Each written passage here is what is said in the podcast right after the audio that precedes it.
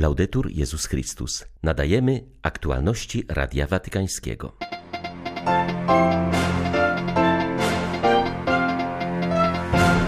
Arcybiskup Claudio Gugerotti został nowym prefektem dykasterii dla kościołów wschodnich. Chersoniu Rosjanie pozostawili po sobie ruiny i zniszczenia. Wciąż odkrywamy też nowe miejsca kaźni, mówi biskup Stanisław Szerokoradiuk, do którego diecezji należy to wyzwolone spod okupacji miasto. Dzisiaj w święto ofiarowania Najświętszej Maryi Panny obchodzony jest w Kościele Dzień Modlitwy i Wsparcia Materialnego Zakonów Kontemplacyjnych. W samej Polsce jest obecnie 1600 sióstr klauzurowych. 21 listopada witają Państwa ksiądz Krzysztof Ołdakowski i ksiądz Tomasz Matyka. Zapraszamy na serwis informacyjny. Papież mianował nowego prefekta dykasterii dla kościołów wschodnich. Został nim dotychczasowy nuncjusz apostolski w Wielkiej Brytanii arcybiskup Claudio Gugerotti. Na tym stanowisku zastąpi kardynała Leonarda Sandriego. Arcybiskup Gugerotti urodził się w 1955 roku w Weronie. Na Uniwersytecie Ca' Foscari w Wenecji uzyskał tytuł magistra w zakresie literatury i języków wschodnich. Studia licencjackie z liturgiki odbył na papieskim Ateneum świętego Anselma, zaś doktorat ze studiów kościelnych uzyskał na papieskim Instytucie Wschodnim. W 1985 roku rozpoczął pracę w Kongregacji dla Kościołów Wschodnich. W 1997 roku został jej podsekretarzem. W 2001 roku Jan Paweł II mianował go arcybiskupem i nuncjuszem apostolskim w Gruzji, Armenii i Azerbejdżanie. Kontynuując służbę dyplomatyczną, był kolejno przedstawicielem papieża na Białorusi, Ukrainie i od 2020 roku w Wielkiej Brytanii. Dzisiaj rozpoczynają się we Lwowie obrady konferencji Episkopatu Łacińskiego Ukrainy. W rozmowie z Radiem Watykańskim biskup Stanisław Szyrokoradiuk zapowiedział, że po roku krzyża rozpocznie się w kościele na Ukrainie rok miłosierdzia. W Odessie, z której przyjechał, po kilku dniach przerwy powróciła elektryczność i woda. Biskup Odesko-Symferopolski przedstawił dramatyczną sytuację, w jakiej znajduje się miasto Hersoń po odbiciu go z rąk rosyjskich. Y, mamy zwolniony to nasza diecezja, no to co oni tam nawyrobiali, to to straszno, w głowie się nie mieści. Wszystko, co można zniszczyć, wszystko zniszczyli. Wybuchowe te urządzenia na każdym kroku, nawet kanalizacje i te zaminowane. No to wszystko do elektryczności już całe, całe dwa tygodnie nie ma i wody nie ma, to tam już zwykłą wodę. Posłaliśmy tam trochę kilka transportów już tam, bo już można jeździć do Hersona. No ale za to urządzone były takie miejsca egzekucji, gdzie tych ludzi po prostu, no, by NKWD robiło, że wszędzie, wszędzie na każdym kroku to te miejsce, gdzie tam pytano ludzi i katowano i tak dalej, to to, to wszędzie, na każdym kroku widać. Bardzo duże renowanie. Nie przestaje ekscelować ruiny, ruiny wzrastają z każdym dniem. Pierwsi, którzy teraz przyjechali transporty do Hersonu, to przyjechali z Polski. Polska też zwróciła się bardzo mocno pomagać. Też przy okazji tam wszystkim bardzo chcę podziękować za tę solidarność i za tę bardzo potrzebną pomoc dzisiaj.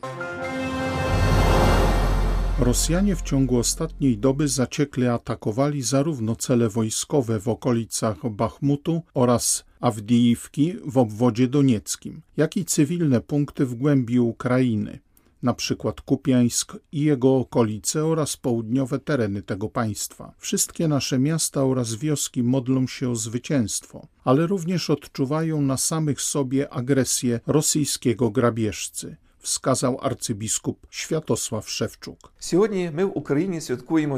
Dziś na Ukrainie obchodzimy święto archistratega Michała i innych bezcielesnych niebiańskich sił, święto zwycięstwa dobra nad złem ale dla naszej ojczyzny to również szczególny dzień państwowego święta godności i wolności.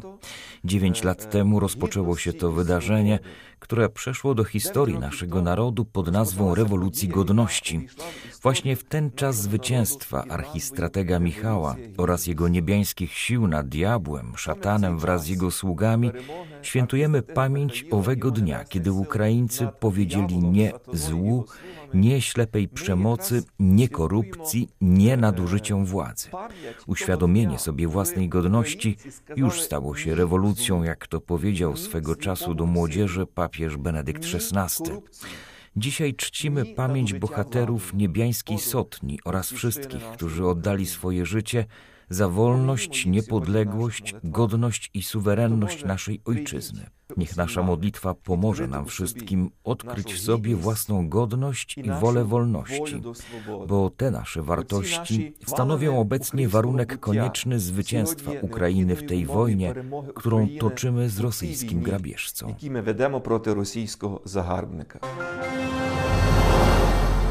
Dzisiaj w święto ofiarowania Najświętszej Maryi Panny obchodzony jest w całym Kościele Dzień Modlitwy i Wsparcia Materialnego Zakonów Kontemplacyjnych. Papieskie Stowarzyszenie Pomoc Kościołowi w Potrzebie na początku swojej działalności w Polsce zainicjowało akcję Cicha i Wierna Obecność.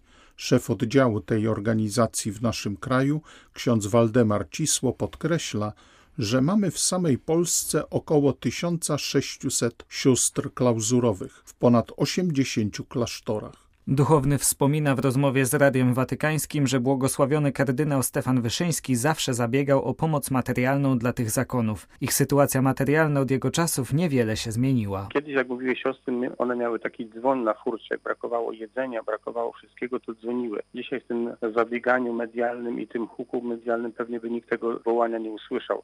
Stąd dlatego jest też ważne, żebyśmy również jako ludzie wierzący wspierali materialnie nasze siostry. I nie tylko przy okazji jakichś tam akcji typu cicha i wierna obecność, ale co roku. Pomoc Kościołowi w potrzebie w Polsce po dzień dzisiejszy utrzymuje jako jedyny projekt. Pamiętajmy, że te siostry dzień i noc modlą się za każdego z nas, nawet nie jesteśmy tego może świadomi. Natomiast w takich krajach jak Irak, jak Syria, jak w wielu krajach afrykańskich, ta sytuacja jest jeszcze o wiele gorsza, bo siostry są narażone i na napady. Przykładowo w Betlejem, kiedy była siostra Lucyna przełożoną na tej wspólnoty Polka, podwyższaliśmy mur, bo były napaści, były próby włamania się do zakonu kontemplacyjnego w Betlejem. Także ta pomoc jest bardzo istotna i nie tylko ta pomoc modlitewna, ale ta pomoc materialna, za którą wszystkim naszym słuchaczom dziękujemy, jest bardzo cenna i bardzo przez nie oczekiwana.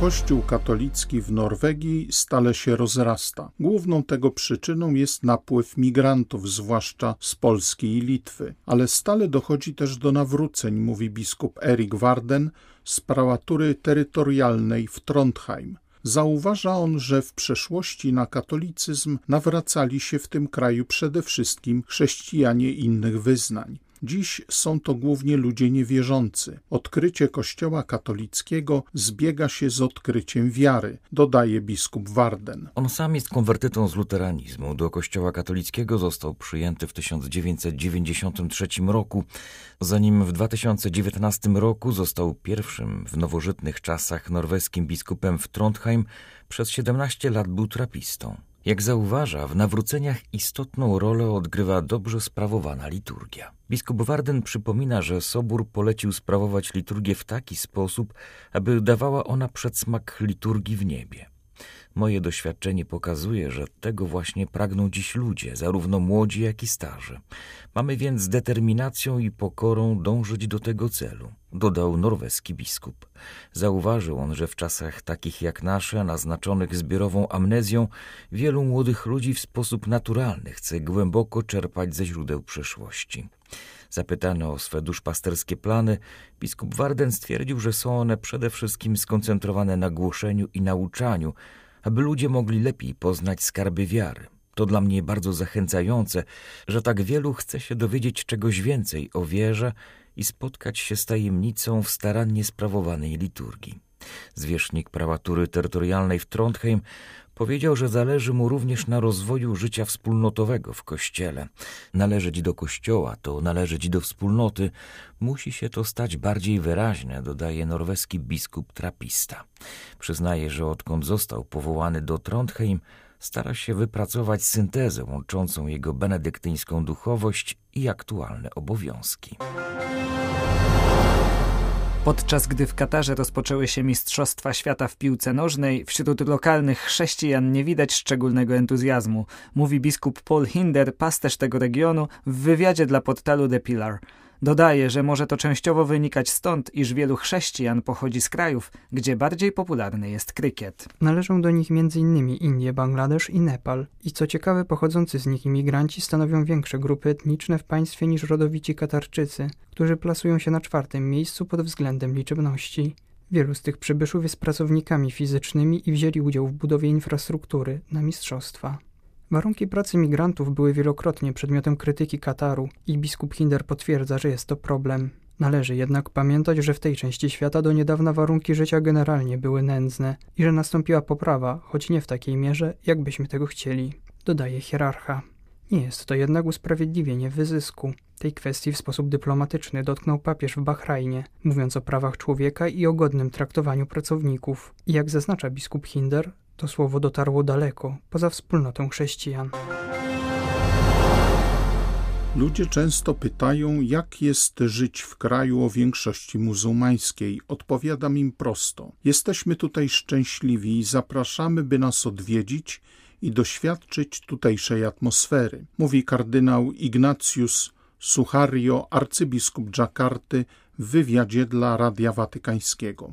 Indonezja jest potężnym państwem liczącym ponad 230 milionów obywateli. Większość populacji to muzułmanie tradycji sunnickiej. Chrześcijanie stanowią prawie 11% ludności. Kardynał Suchario zaznacza, że choć dochodzi do napięć, a nawet do ataków terrorystycznych w imię religii, to jednak dominuje współpraca i wzajemna życzliwość. In the case of the Catholic Church in Indonesia, Kościół katolicki w Indonezji od 20 lat ma ten sam cel. Chcemy budować autentyczne braterstwo.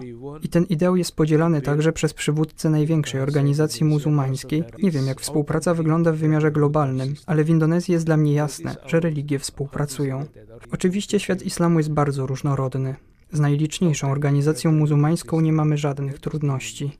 Największym problemem jest całkiem spora grupa ludzi, którzy używają religii do celów politycznych. Dla mnie jest to szatańskie, ponieważ to zaprzepaszcza wszelki wysiłek zmierzający do budowania prawdziwego braterstwa. Ci ludzie chcą władzy i wykorzystują religię, by zdobyć serca ludzi. Obserwowaliśmy to zjawisko w Dżakarcie w 2017 roku i obawiamy się, że może ono powrócić w 2024.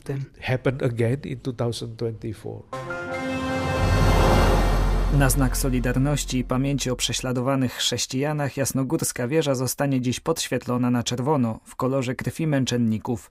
Trwa tutaj modlitwa nie tylko za cierpiących, ale także za oprawców.